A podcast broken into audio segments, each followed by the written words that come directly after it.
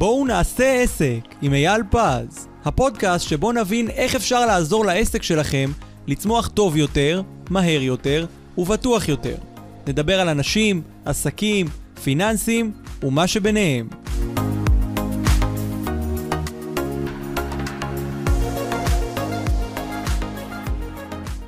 שלום חברים, ברוכים הבאים לפודקאסט בואו נעשה עסק עם אייל פז. הפודקאסט שבו נבין איך אפשר לעזור לעסק שלכם לצמוח אה, טוב יותר, מהר יותר ובטוח יותר. נדבר על אנשים, עסקים, פיננסים ומה שביניהם. בפרק שלנו היום נדבר על איך להיות האיש הכי שמח בעולם, ונארח את איזי רוזוב, מרצה, יזם, מאמן אישי והאיש הכי שמח בעולם. איזי הוא אדם מיוחד מאוד, שידע בחייו המון הצלחות גדולות, ובשנות ה-80 נחשב לאחד מעשירי הארץ. אולם בפברואר 90 הכל התרסק והוא הגיע לפת לחם. אך מעולם הוא לא הסכים לוותר וראה רק את ההצלחה לנגד עיניו. היום נדבר על סיפור חייו המעניין של איזי, לשעבר מהבעלים של מפעל גיבור סברינה שהעסיקה למעלה משלושת אלפים עובדים ב-15 מפעלים ברחבי הארץ. שותף מייסד ומנכ"ל ירחון אוטו וכמובן היה יבואן של BMW בישראל. נלמד דרך המסע האישי של איזי איך משיגים את האמביציה למרות קשיי החיים, איפה נמצא הכפתור למוטיבייטור הפנימי שמניע אותנו, איך משנים קריירה בגיל מבוגר, וכמובן, איך להיות האיש הכי שמח בעולם. יישארו איתי, בואו תהיו איתנו לעוד פרק מרתק. איזי, כבוד גדול לארח אותך כאן. שלום איזי. שלום, שלום. תודה רבה, וואו, איזה פתיחה. מפה אפשר רק לרדת. תלוי, אתה יודע, זה כמו במעלית, אפשר לרדת ואפשר לעלות. כן. זה בעצם המטרה של השיחה שלנו היום. איך, איך עולים אחרי שיורדים ואיך אה, מתמודדים עם התהליך הזה. אז אולי בוא נתחיל אז- קצת מהסיפור שלך. נתחיל מהסיפור שלי, אבל אתה יודע מה, אני אתחיל לרגע אפילו מהסוף, איך עולים ואיך זה. איך, היה לי חבר, חבר טוב, אה, יגאל בשן, זיכרונו לברכה. ויש לו שיר שהפך להיות ההמנון שלי. מה שהיה, תשכח מזה, מה שיהיה לא משנה. כל שאבקש בעולם כזה, תן לי את היום הזה.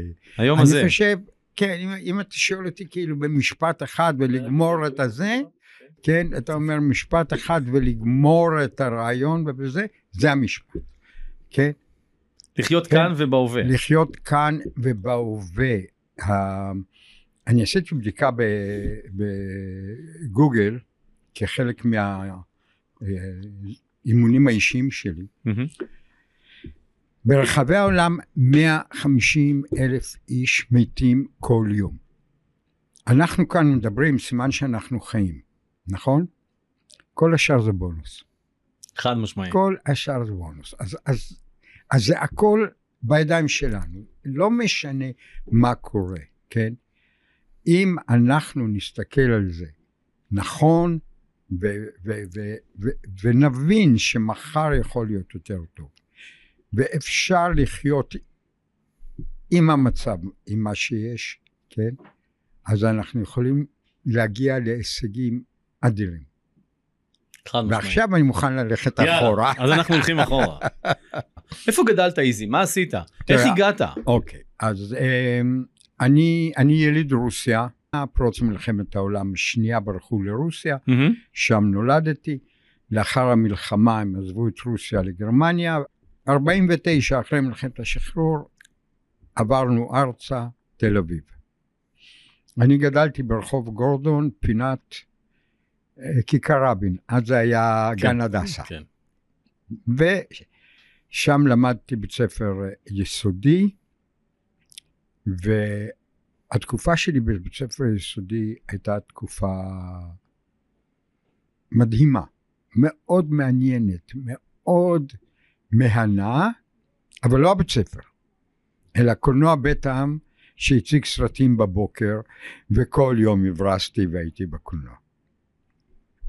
וככה אה, ביליתי עד כיתה ח', וסיימתי כיתה ח', לא היה אז חטיבת ביניים, וקיבלתי תעודה עם 13 מקצועות, ובמקצוע אחד קיבלתי ציון מספיק בקושי, אז לא נורא, אבל זה היה הציון הכי גבוה.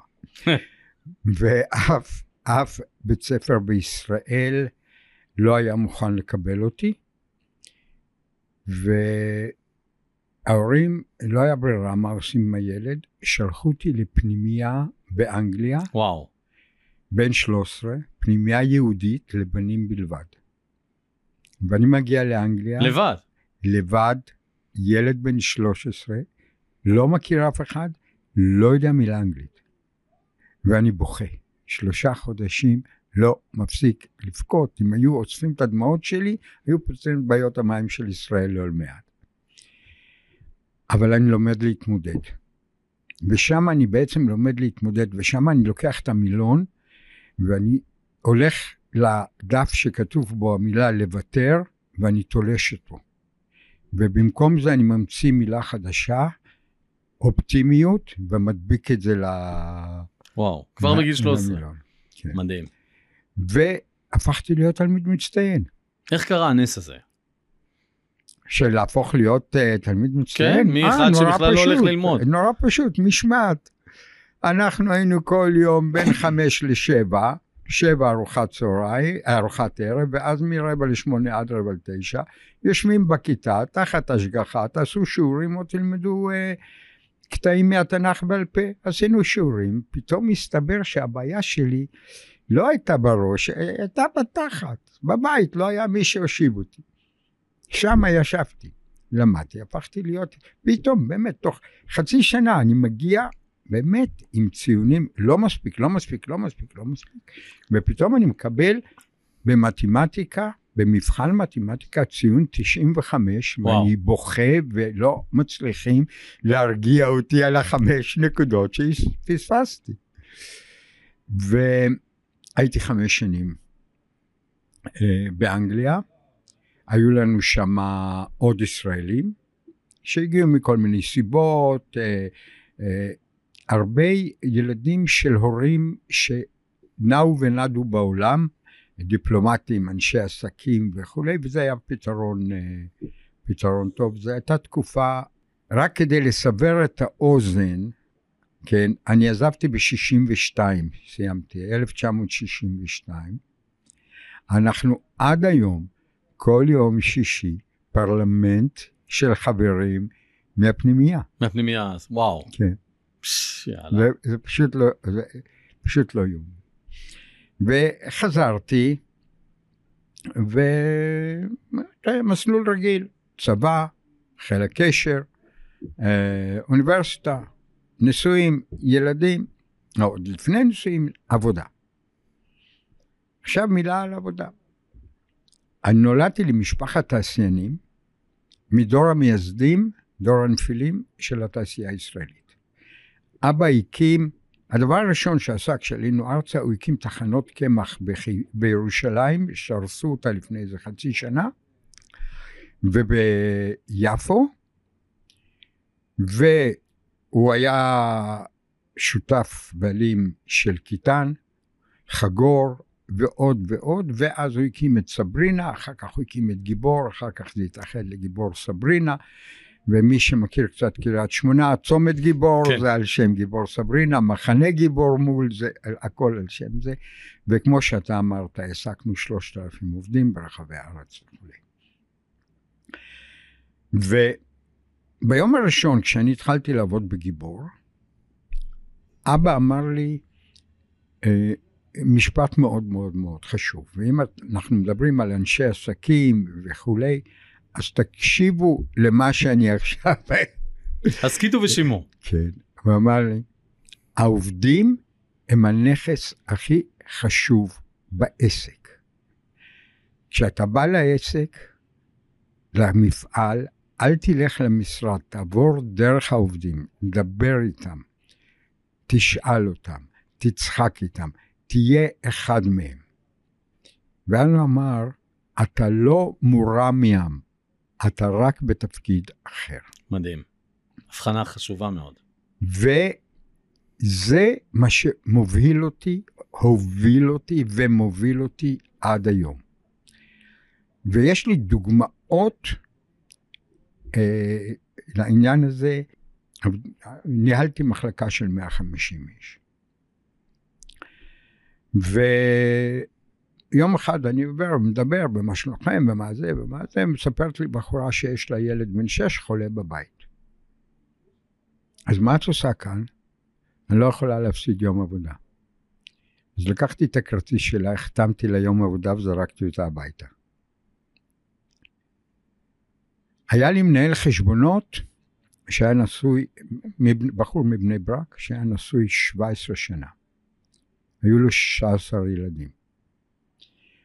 בכל אה, שמחה, בין אם זה ברית מילה או בריתה, יום הולדת, אה, בר מצווה, ווטאבר, הוא בא לבקש הלוואה. נתתי לו הלוואה, אבל גם ידעתי מה הוא מרוויח, אז ידעתי שהוא לא יכול להחזיר לי. כן. אז אחרי כמה חודשים גילמתי את זה. ועד שיום אחד אמרתי לו, מרדכי, תפסיק לעשות ילדים, אני לא יכול להרשות לעצמי את זה. אמ, אני מספר את זה כי אני קיבלתי כל הזמן ריבית דריבית. נסעתי יום אחד ארבעה ימים. כל כולה ארבעה ימים נסיעת עבודה לחו"ל, חזרתי, קיבלתי מהבנות, נכנסו משלחת אליי, תקליט לאדוני באהבה. עכשיו, גיבור סברינה, אה, הרבה, כל המפעלים, זה, הרוב זה מתפרות. ואנחנו מודדים אחד מול השני, מבחינת תפוקה. תפוקה. כן. והתפוקה שלי תמיד הייתה ב-20-25 אחוז יותר גבוהה מה שאצל האחרים. מדהים. כי זה מה שאני קיבלתי בחזרה, כן, ממה שאבא אמר לי. לא יאומן. וזה הכל, זה באמת, זה הכל אבא. ו... זאת אומרת שהשקעה בעובדים והתייחסות אליהם ונתינה של הנשמה לעובדים נותנת בחזרה את הערך הכי גבוה, יותר הכי מאשר כל מכונה שהיא. את. הם יעשו הכל בשבילך. הכל בשבילך. יש גם מחקרים ש... ששואלים, אז אומרים, הדבר הכי חשוב זה יחסי האנוש, הדבר השני הכי חשוב זה היחס של המנהל האישי. אלה הדברים שמחזיקים את האנשים. היום אנחנו קוראים כל הזמן, פייסבוק אה, מפטרת, כן. אמזון מפטר, אלה מהמם. מפטרים וכולי, אבל לפני חצי שנה, כן, רק שמענו כל הזמן ש... איך, איך להחזיק את האנשים. נכון. ככה להחזיק את האנשים. לגרום לאנשים לרצות להיות שם, ומי שהבין את זה זה גוגל. הוא שינה, הוא שינה תרבות, כן? וזה לא רק העניין של האוכל. והחדר כושר כן. והשטויות האלה, נכון. זה היחס. והיחס צריך להיות לתת לאדם להרגיש שהוא בא לבית, שבלעדיו אי אפשר. כי אתה יודע משהו? אי אפשר בלעדיהם. אי אפשר, תחשב, ת, ת, תחשבו על זה, בן אדם שיש לו אפילו נגיד עסק קטן עם עשרה עובדים, נגיד שעשרה עובדים הולכים, מה אתה עושה? מה הוא יעשה? כן. אומרים שמפקד בלי חיילים, על מה הוא יפקד? או, וזהו, לא רק מפקד, כן. אותו דבר גם בעסק. מהו הערך העליון בצבא? אחריי, נכון. כן? אחריי. ותנו הכל, הכל, הכל לעובדים. ואני עבדתי בגיבור, ואני נתקלתי בגיבור בכמה וכמה בעיות שדרשו פתרונות. יש כאלה שאומרים מחוץ לקופסה, לא מחוץ לקופסה, אני ניפצתי את הקופסה, אוקיי? ואני מספר את זה, אנשים אומרים לי לפעמים כן, אבל אני, יו, כמה אתה יצ... יצירתי, אני לא יצירתי, ואני אומר, אני לא יצירתי, אני מנתח את הבעיה. יש בעיה, אני מנתח את האלף, בית, גימל, דלת, ואז הפתרון נופל. פשוט הוא, הוא חייב ליפול. עכשיו, לפעמים יש יותר מפתרון אחד, מנסים אחד, לא מצליחים, עושים אחר וכולי. אז למשל, הייתי, ניהלתי מחלקה בקריית שמונה לגיוץ גרביים. הגיוץ היה שהלבישו את הגרבונים על אה, שבלונות אלומיניום, הכניסו את זה לקיטור, לתא קיטור, שם זה היה מקבל מכת קיטור, ואז פשוט מקפלים את זה, ואז כל מגע עם עצם זר, טבעת, תכשיט, בום חור. אז אסור אה, ללבוש תכשיטים וכולי, אבל לא הצלחנו לגייס מספיק בנות. אז גייסנו גברים דרוזים ש- מרמת הגולן. פתאום אני רואה שיש לי מלא חורים. מסתבר, הם באו עם ידיים של פלאחים, עם יבלות קשות, Mm. וזה, בום, נוגעים, חור, מה עושים? מה עושים? אי אפשר לבוש כפפות. ואז אני עומד בפני בעיה. אחד, אני צריך אותם. שתיים, הידיים שלהם עושים לי חורים. שלוש, אני לא יכול לשים להם כפפות. מה אני צריך לעשות? אני צריך לגרום לידיים שלהם לא לעשות חורים. הבאתי מניקוריסטית. וואו. גדול. ועשיתי. אז קודם כל אני התיישבתי, והיא עשתה לי, והם צחקו, וזה היה נורא מצחיק, והיא עושה לי קרמים ומסאז'ים ודברים, וזה, ואז קמתי, הצבעתי על אחד, אמרתי עכשיו אתה, וזהו. וככה עשינו את זה. מדהים. זאת אומרת, הבנת הבעיה היא כבר בעצם יותר מ-50% מהדרך לפתרון. בדיוק, בדיוק, כי, כי אתה צריך לנתח את, ה, את הבעיה. היה לי אירוע שהיה לנו ויכוח כל הזמן בין אנשי הייצור, אני הייתי בצד הייצור, לבין אנשי השיווק, שהם טענו שאנחנו מייצרים מידות קטנות מדי. ואנחנו טענו לא נכון, הנשים לא יודעות ללבוש גרבונים, כי זה מוצר חדש יחסית בשוק וכולי, והן מנסות למשוך את זה בכוח, בזמן שגרבונים צריך ככה לקפל ולעלות, אותם. לגלגל לאט לאט.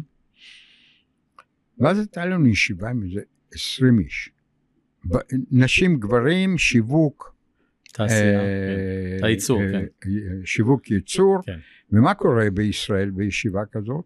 אף אחד לא מקשיב לזה. כולם צורכים ואף אחד לא. שומע. אבל בסוף נמאס לי. אמרתי, צריך איך, איכשהו להוכיח להם. תפסתי זוג ערבונים, עליתי על השולחן, הורדתי את המכנסיים, וואי. וגרבתי זוג ערבונים, ואמרתי, אם זה עולה עליי, זה יעלה על כל בחורה. מדהים. פתרנו בעיה. אבל אני חושב שהפתרון הכי מדהים שהיה לי, כן, גיבורת לבש של השוק היפני. ובשביל השוק היפני הקמנו מתפרה ומצבעה בהונג קונג. ואני נשלחתי להקים ולנהל את זה. ואני יושב שמה יום אחד, ופתאום אני שומע היסטריה במפעל, אני פותח את הדלת, 200 בנות רצות החוצה בפאניקה, בהיסטריה, בצעקות גוסט, גוסט. גוסט? אני רץ אחריהם, מה קרה?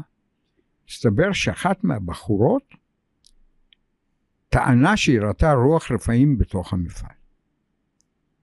עכשיו, הן עומדות על המדרכה, רועדות ובוכות, אתה צוחק ואני בכל הכוח מתאפק לא לצחוק, כי הן מאמינות. ואני עכשיו חושב מה לעשות, ודבר ראשון אני חושב לה, לה, לה, שאני צריך להביא איזה כהן דת. אבל יש לי שתי בעיות. קודם כל, יש שם סקטורים שלמים, ואני צריך להביא איזה עשרה כהני דת לכל אחד מהם. וב' עד שיבוא כהן דת, אף אחד כבר לא מפעל תהיה. מושבת, כן. לא, הם, הם יברחו. כן. עכשיו, אם הם יברחו, המפעל מקבל מוניטין שיש רוח רפאים, ואי אפשר יותר לגייס, אפשר לסגור את הבסטה. אז מה שצריך לעשות, יש לי עשר שניות, אני אומר להכניס אותם פנימה. עכשיו, אני לא יכול להילחם בהם. אז יש את המשפט הכי מפורסם, If you can't beat them, Join join them. אז הקמתי מזבח לרוח הרפאים בתוך המפעל, די. ואז הם נכנסו. לקחנו שולחן וכיסאות וקרטונים ודברים ועשינו מזבח. ואז באו אליי משלחת ואומרות לי, הרוח רפאים צריכה לאכול. וכל בוקר הייתי מביא לרוח רפאים מנת אוכל וזורק את האוכל שלו אחלה מטבול. אני מבין? אז זה דוגמאות, כן, שאתה עומד בפני סיטואציה, ואם אתה מנתח אותה נכון, כן, אתה לא צריך להיות יצירתי, הפתרון הוא פשוט נופל. הוא זה פשוט, מול העיניים. מול העיניים, הוא קיים. אתה פשוט צריך להיכנס לנעליים של הצד השני להבין אותו. בדיוק, בדיוק. אז זה שני הדברים, כן, ו- ושני הדברים הם בעצם קשורים, כן, כי אתה לא צריך להיות יצירתי עם המכונות, אתה צריך להיות יצירתי עם האנשים, בין אם זה עם העובדים שלך, עם הספקים שלך, עם הלקוחות שלך, לא, לא משנה. אז מצד אחד, להתייחס אל העובדים שלך כאילו שהם הילדים שלך, כן? כי אתה לא שווה כלום בלעדיהם. ומצד שני, כשיש להם בעיה, כמו שאמרת, להיכנס לנעליים שלהם, הבעיה תיפתר. הבעיה תיפתר. תחשוב על הבעיה, תבין אותה, תנתח אותה, הבעיה תיפתר. אז, אז, אז באמת, אם, אם, אם אני מסכם את, ה, מסכם את הפרק הזה, אז הפרק הזה הוא כולו, כל כולו מוקדש לכוח ל- ל- ליחסי אנוש. איך לומדים יחסי אנוש? איך נהיים עם יחסי אנוש? איפה מקבלים את זה? תראה, זה התחיל, עוד פעם אני אומר, קודם כל, חמש שנים מחוץ לבית, כאשר התקשורת היא מכתבים. חבר'ה, 1957 נסעתי. מה, לא היה לכם אייפונים?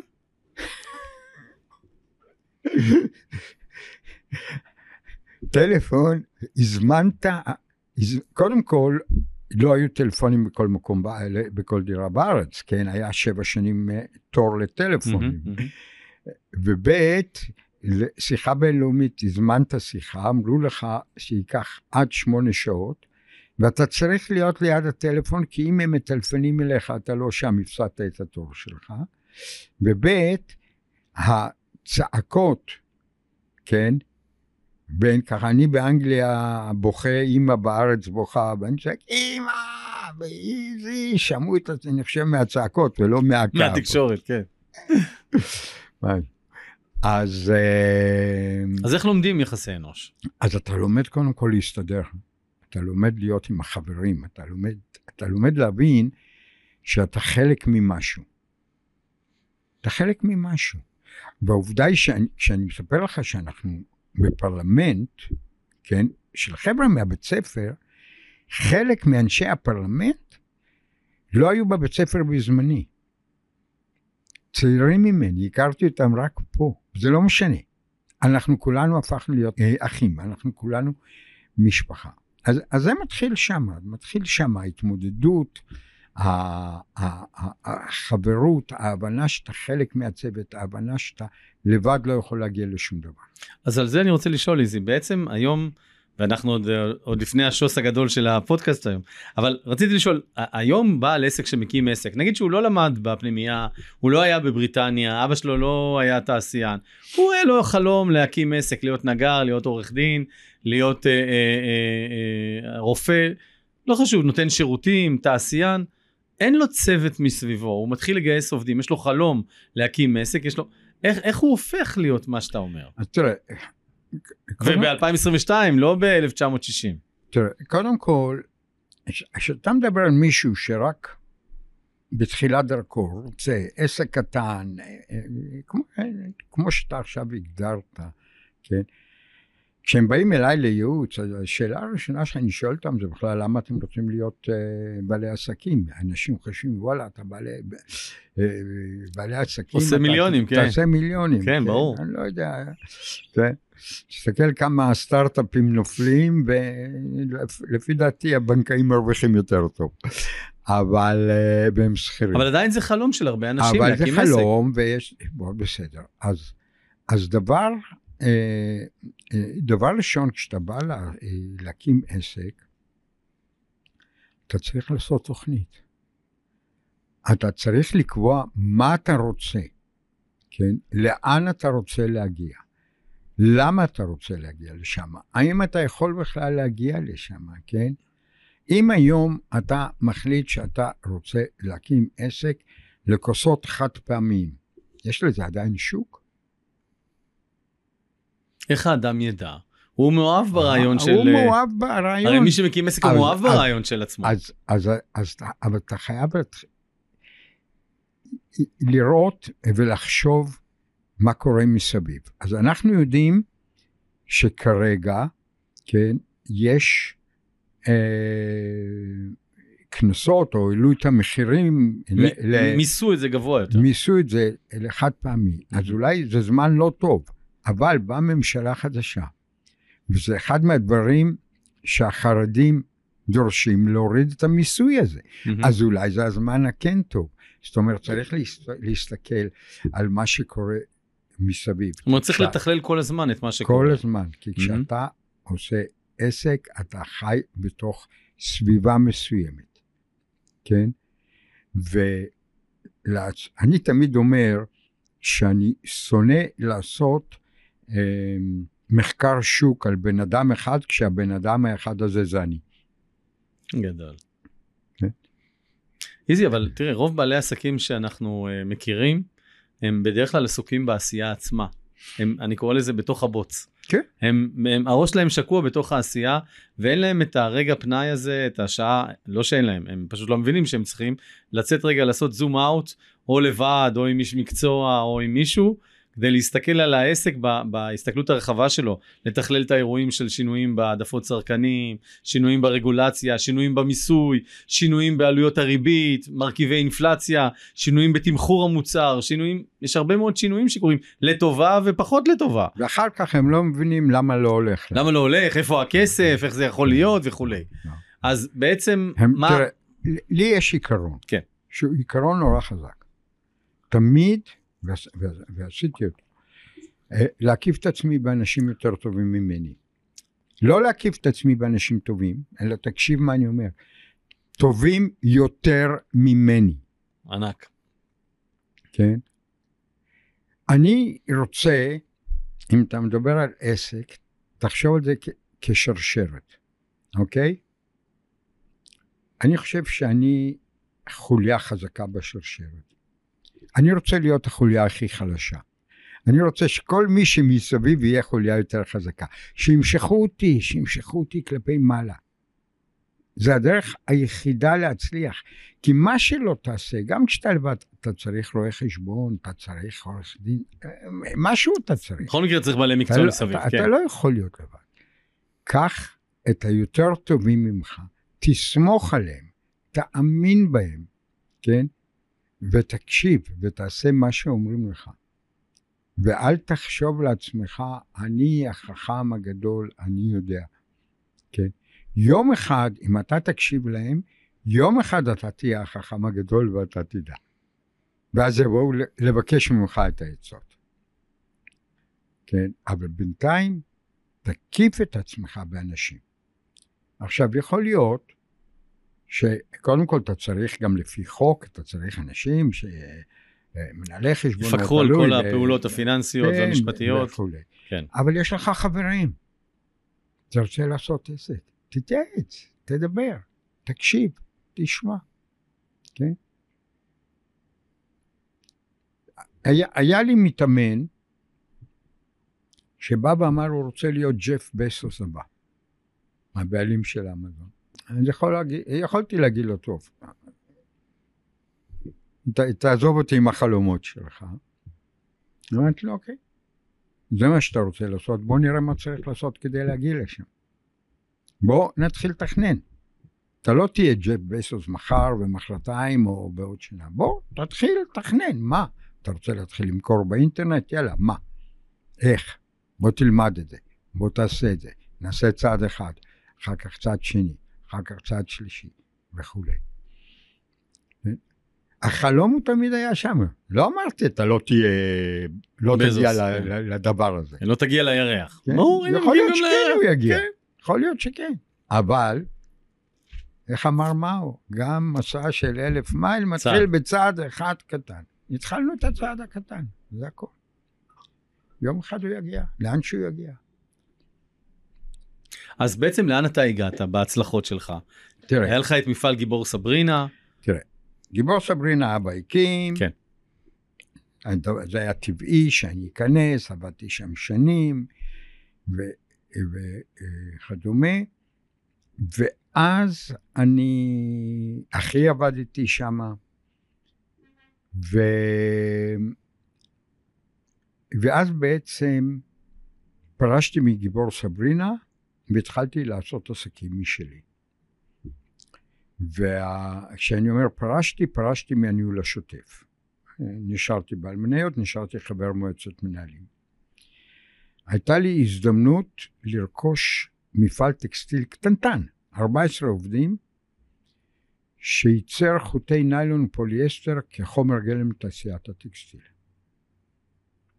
והוא עמד לפשוט את הרגל. יהודי מבוגר, בן 80, הוא בעצם בא לאבא שלי, תציל אותי, לא, לא מתאים לי להיות פושט רגל. ולמה לא קניתם אותו דרך גיבור סברינה? כי זה היה... מחוץ לליבת הקורס שלכם? כן, בכלל משהו אחר. אמרתי, אמרתי לו, יש לך, יאללה, אני קונה. אוקיי. היה מפעל בפתח תקווה. חירבה כזה עוד לא ראית. איזה טינופת, איזה סירחון, אתה יודע, להיכנס לשירוש... לשירותים, פחד מוות. לקחתי את המפעל, ניקיון, קרצוף, צבע, דברים, מסביב למפעל שתלתי שטיח של ורדים. פתאום הפך להיות פינת חמד. מקום שנעים להיות בו. מקום שנעים להיות בו. עכשיו, התחלנו, עוד פעם נדבר על, על צעדים, התחלנו עם ציוד ישן, והיה לנו שם ציוד שכבר לא היה ניתן למצוא חלקי חילוף. ומכונה נתקעה, השתמשנו בה כחלפים חלפים למכונה הבאה. Mm-hmm. ואז יום אחד הגעתי למסקנה שצריך לקנות מכונה חדשה ב-50 אלף דולר. שבועות לא ישנתי, פחד מוות מ-50 אלף דולר. ואחד הדברים שעשיתי שם, מיניתי מנכ"ל שינהל את הפעילות השוטפת יותר טוב ממני. והוא יום אחד בא לבקש ממני אישור להעלות את השכר של אה, האיש ניקיון מ-13 ומשהו לירות ליום בעוד ש... לירה ליום. המנכ"ל בא לבקש רשות. לאט לאט התחלנו לחדש, חברות אחרות פשטו רגל, קנינו ציוד שלהם וכולי וזה, ואחר כך השתלטנו על המתחרה הגדול שלנו, הפכנו להיות פתאום מפעל גדול, 160 עובדים, בניין בכפר סבא על 6,000 מטר, עשרה דונם קרקע, והגיע הזמן לקנות מכונה חדישה מאוד. היו שתי מכונות בשוק. אחת עולה חצי מיליון דולר, והשנייה עולה 550 אלף דולר. ועשינו דיונים, אני החלטתי הולכים על זה. ואז בא אליי המנהל, ואותו המנהל שהיה צריך לקבל ממני אישור לעלות בלירה. הוא אומר לי, זה מה אנחנו בוחרים. וההבדל ביניהם היה 50 אלף דולר שלפני כמה שנים לא ישנתי בלילות. אמרתי לו. מה השאלה בכלל? לא, אמרתי לו, אתה המנכ"ל, אתה תחליט. אני נתתי את ההחלטה האסטרטגית שקונים. אני לא מוכן להתערב בכלל בהחלטה. זאת אומרת, לא רק שלקחתי אנשים טובים, נתתי להם לגדול. לצמוח, לגדול. לגדול. לקבל את ההחלטות בעצמם. בדיוק. שזה לקחת אותם. בדיוק. שהם ינהלו את העסק. בדיוק. והעסק שם הפך אותי באמת, היה לי את המניות של גיבור והכל וזה, אבל מה שהעלה אותי מעל ומעבר למשפחה וכולי, זה היה העסק. העסק הפרטי שלך. כן, ואני מוצא את עצמי פתאום סלב. אני נכנס למסעדה, אנשים מביטים, ומיד מתחילים לחשושים, כי מזהים אותי. הנה הגביר. כן, בעיתון יש כותרת, ילד הפלא של, של הכלכלה הישראלית. מדהים. ו... ואני מיליונר. ואני באלפיון העליון. ואני טס מחלקה ראשונה, ואני טס בקונקורד, ונוסע על ב-MV, והבן שלי בינתיים רוצה להיות שחקן גולף מקצועי, כי אני משחק גולף, הוא התחיל לשחק גולף איתי, והוא נהדר. שולח אותו לפלורידה לפנימייה, לי"א י"ב, שילמד פלורידה. ו... ואני כמובן פוגש את כל המי ומי בעולם, אם זה שרים ואם זה חברי כנסת וראשי ערים וספורטאים וכולי, ואני מארגן יחד עם גבי אורון שהיה מנכ"ל גליה, אתה זוכר? בטח, בוודאי. אנחנו מארגנים טורניר טניס בישראל ואני מביא את ג'ימי קונור שהיה מספר אחד בעולם. אה, וגם היינו ביחד, גלי ואני, ספונסרים של מרתון תל אביב הראשון. וואו. ו... אה,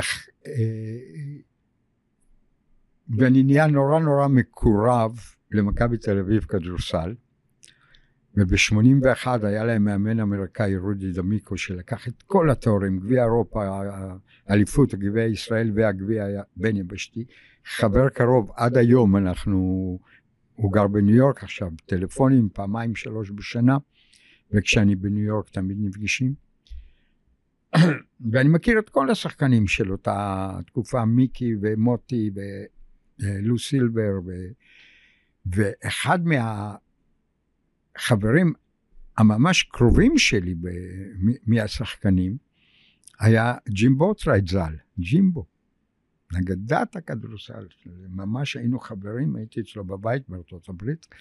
אה, יש סיפור מצחיק, אתה יודע, אומרים שאנחנו שישה מיליון אה, יהודים בישראל, או תשעה, לא, לא, לא חשוב. אני אומר שאנחנו ארבעה מיליארד. אה, ג'ימבו היה גר בעיר בשם, עיר, סליחה, בכפר לוגן, ויומינג. לא תמצא את זה במפה. יש שם רחוב אחד, קוראים לו Main Street, יש שם כמה חנויות, חנות מכולת וזה, ומסביב כמה בתים, ובכניסה כתוב Welcome to Logan, population, 500. 180. 180, מישהו מת, משנים 179, מישהו נולד 181, ולג'ימבו יש שם בית. וג'ימבו מספר שיום אחד הוא הולך לחנות מכולת, הוא יוצא מהאוטו, ופתאום הוא שומע מאחורה חריקת בלמים, משהו, כן? קופץ בבעלה אחורה, אוטובוס תיירים, ומהחלונות ומהכל יוצאים כולם ג'ימבו, ג'ימבו, ישראלים. וואו.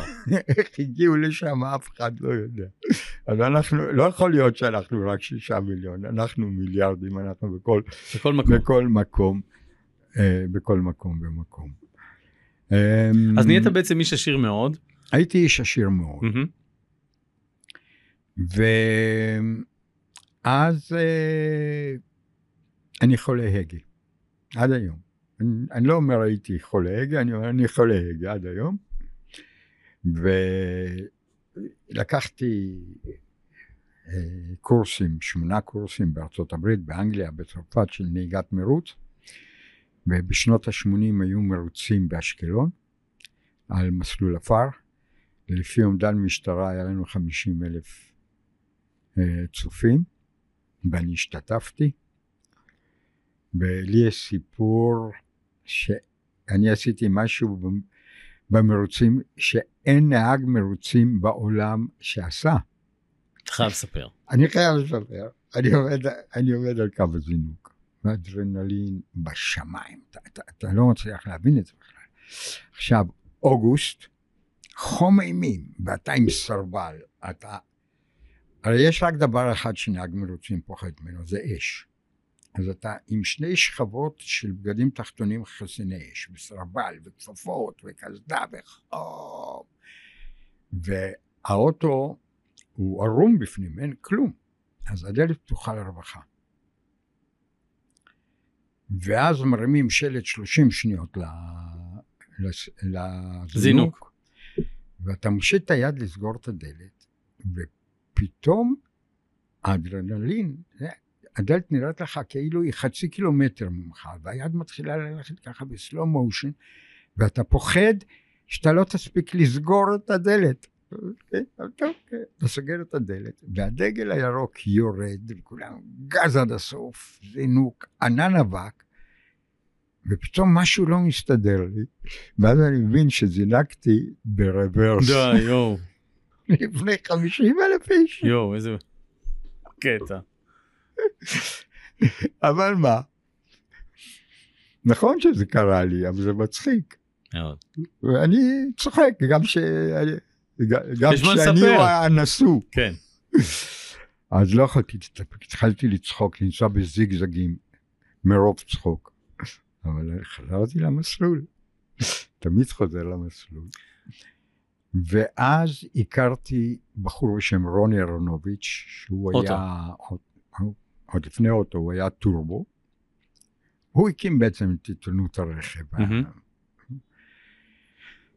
והוא עזב את טורבו, והוא בא אליי בהצעה להקים את אוטו, וצירפנו את דני פרומצ'נקו, ושלושתנו הקמנו את אוטו, ואני ניהלתי את אוטו בשנה הראשונה, מגזין אותו. מגזין אוטו. והייתה תקופה פנטסטית, נסיעות מבחן בארץ, בעולם, איזה, כל מכונית שאתה רק רוצה וכולי.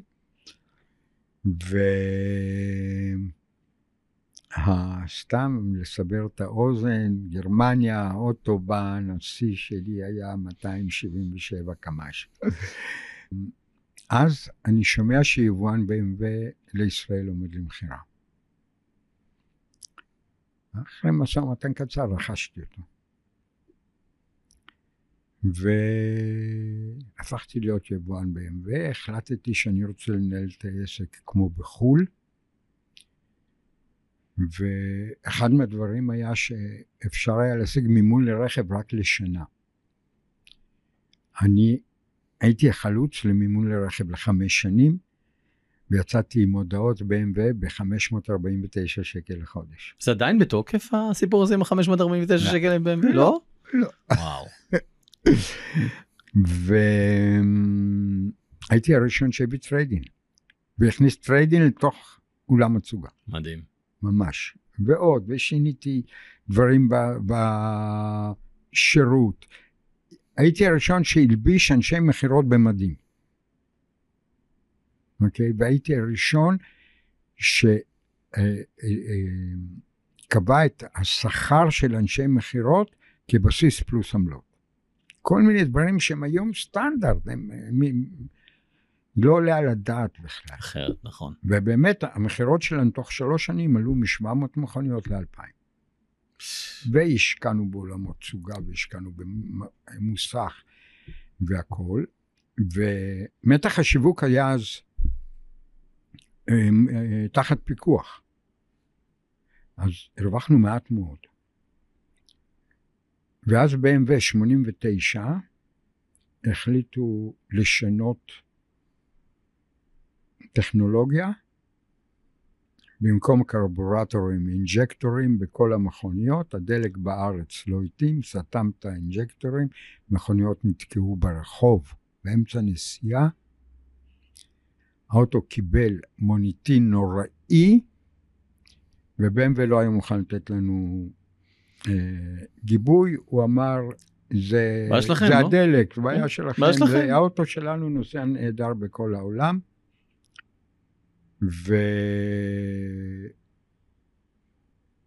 וכדי להיפטר מהמלאי הורדנו מחירים ולא היה, לא, לא היה בשר, על כל אוטו הפסדנו 20-25 אחוז, פרסמנו בטירוף, השקענו והעסק אה, התפרק. עכשיו לקראת.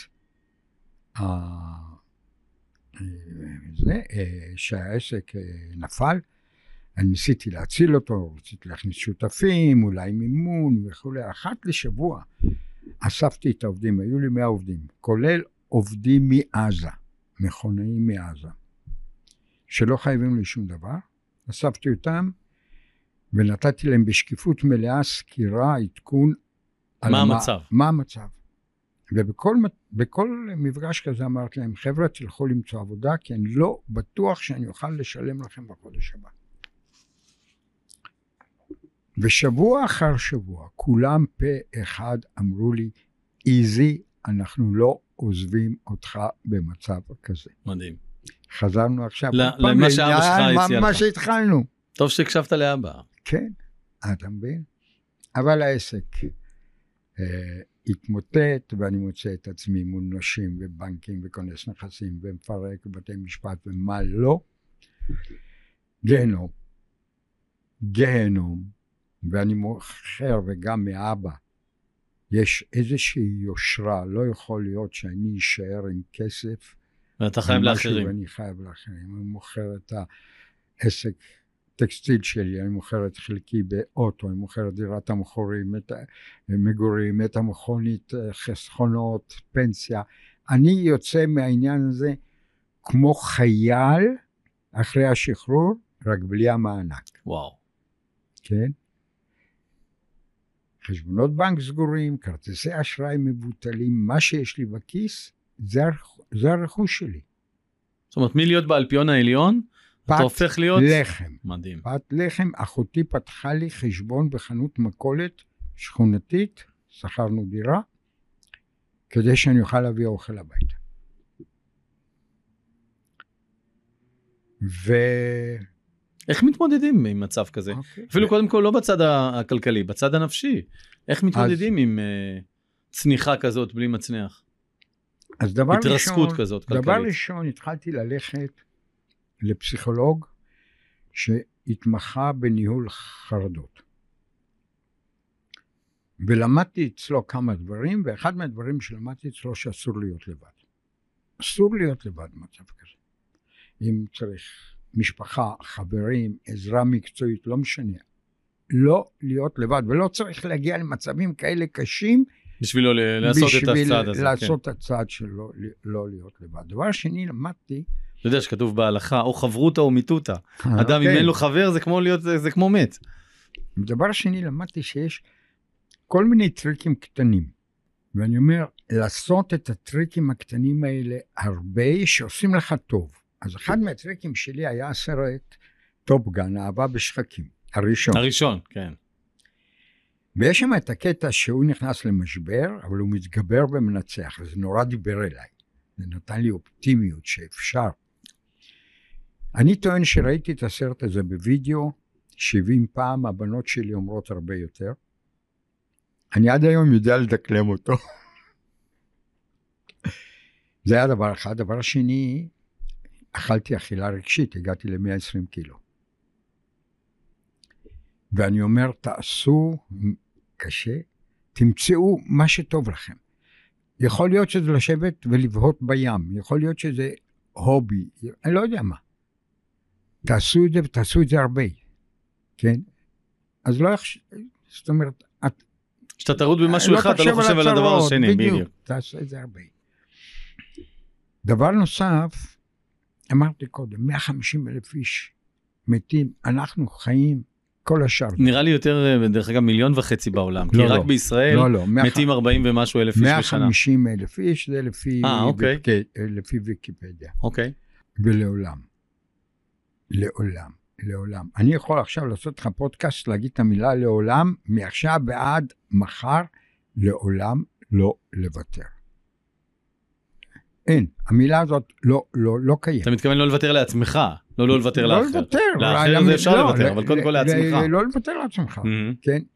יהיה יותר טוב, יהיה יותר טוב. בפרופורציה.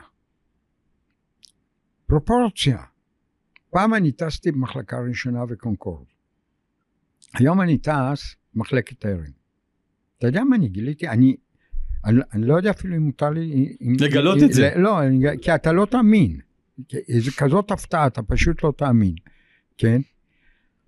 מחלקת תיירים ומחלקה ראשונה נוחתים באותו זמן באותו שדה תעופה, מדהים, נכון? מדהים. אז קצת פחות נוח כמה שעות. big deal, זה לא החיים. פרופורציה. תגיד, אבל אדם שנמצא בתוך השפל הזה, איך הוא אה, רואה את האור?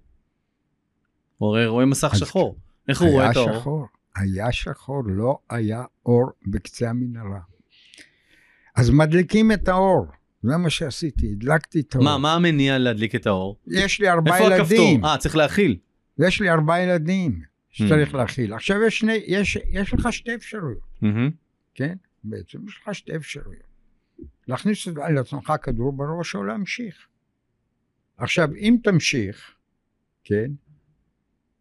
בכלל, להכניס לעצמך כדור לראש, אתה יודע, התאבדות זה פתרון טווח ארוך לבעיה קצרת מועד, זה לא...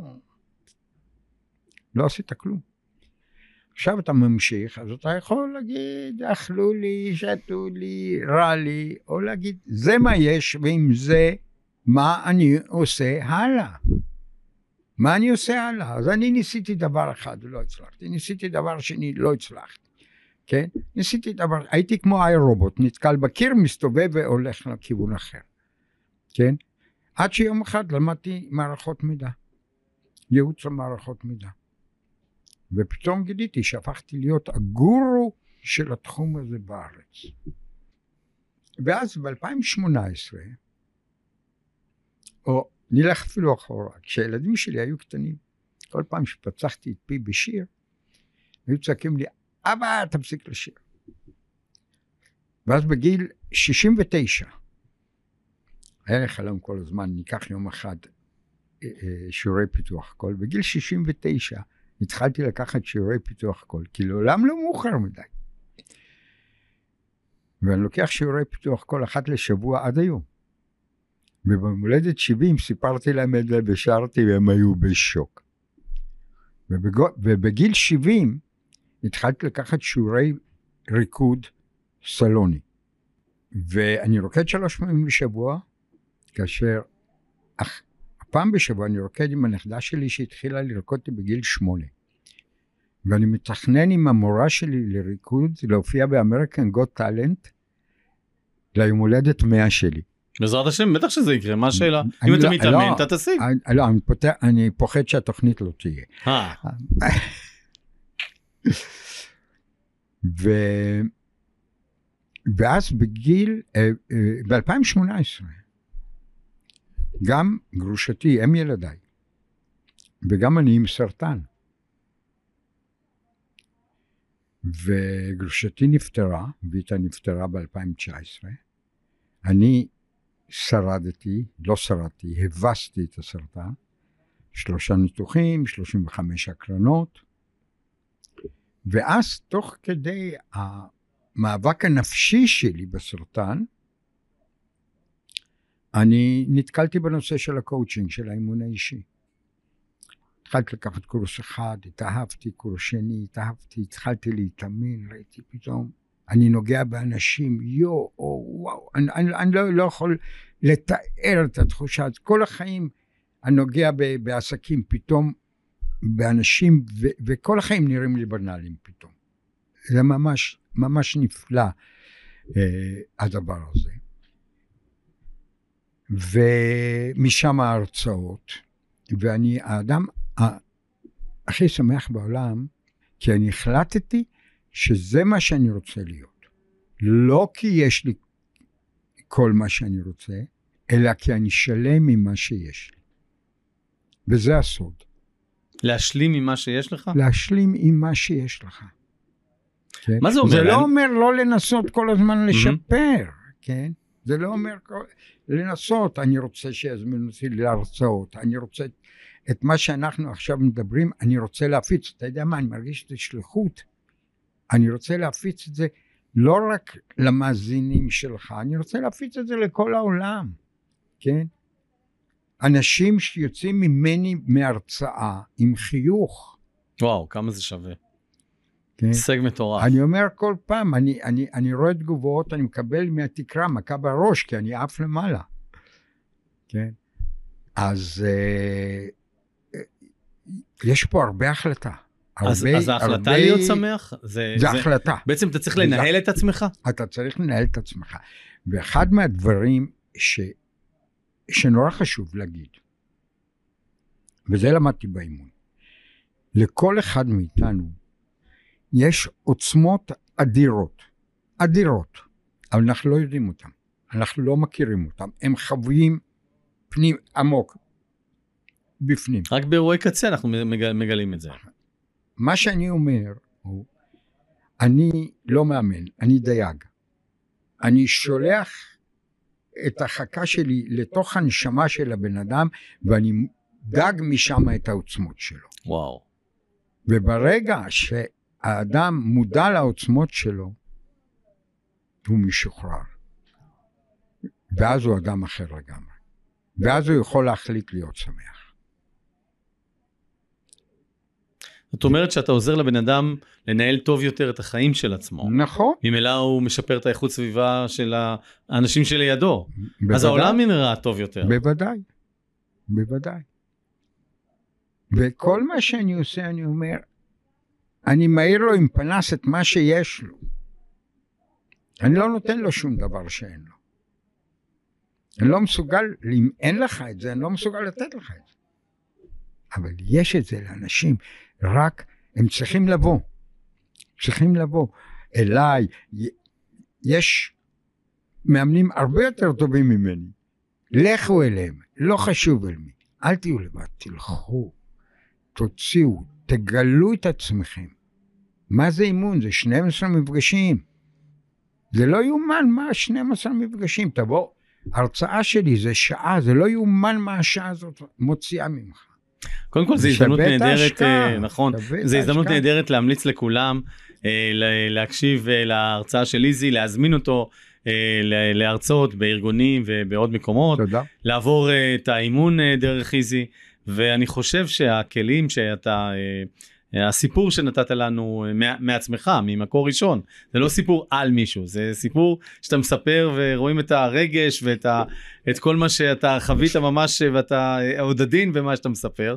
זה מדהים איך אתה בוחר לספר את זה גם, אתה יודע, כל אחד יכול לספר על הקשיים בצורה כזאת או בצורה אחרת, ואין ספק שאין הרבה אנשים, אני בטוח שיש להרבה אנשים קשיים, אבל אין הרבה אנשים שהגיעו לכזאת איגרא רמא ולכאלה הצלחות מטורפות מבחינה כלכלית ועסקית, ומשם התרסקו אה, אה, להכיל למטה שאפשר, ועוד פעם התחילו ועלו בחזרה. זה אין הרבה אנשים שעשו, ואני חושב שהעדות של זה עליך, זה כמו שאני רואה אותך בחור צעיר, אה, קצת אחרי צבא, אה, וכל מי ששומע את הפודקאסט אה, מוזמן לראות איך איזה נראה, חייכן, זו- זורח.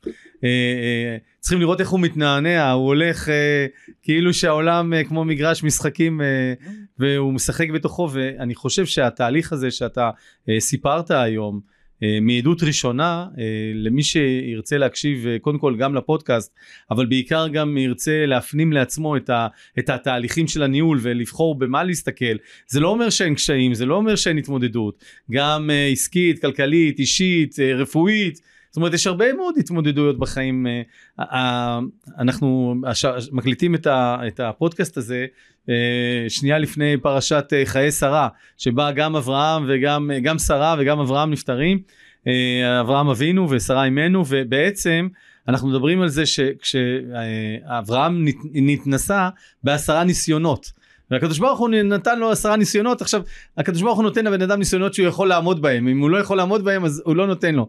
וכל אחד מאיתנו עובר ניסיונות. ולמה קוראים לגבר גבר? שהוא מצליח להתגבר על הניסיונות. זאת אומרת יש לו ניסיונות בחיים ואין ספק שהוא יכול להתגבר עליהם. לא תמיד באותו רגע הוא מבין למה צריך את הניסיון הזה. היה מסתדר גם בלי הניסיון הזה. כן. אבל ב- כנראה בזום אאוט או כנראה בזמן אחר בחיים אנחנו מבינים שהניסיון הזה רק חישל אותנו להשיג את הדברים שאנחנו רוצים. אז uh, אני רוצה להודות לך איזי רוזוב על uh, בטח יש לך כמה מילים אחרונות לא, להגיד. רק אה, אם מותר לי להשאיר מספר טלפון. בוודאי זה גם אה, גם יהיה המספר Mm. שלך גם יהיה מופיע בפודקאסט בתגובות בתגובה הראשונה מי שרוצה וגם יהיה אוקיי. חיבור אה, וקישור כן. ואני מזמין את כל אחד אה, לשמוע את איזי להזמין אותו גם אה, לקבל אה, שיחה ממנו הרצאה ממנו אימון ממנו.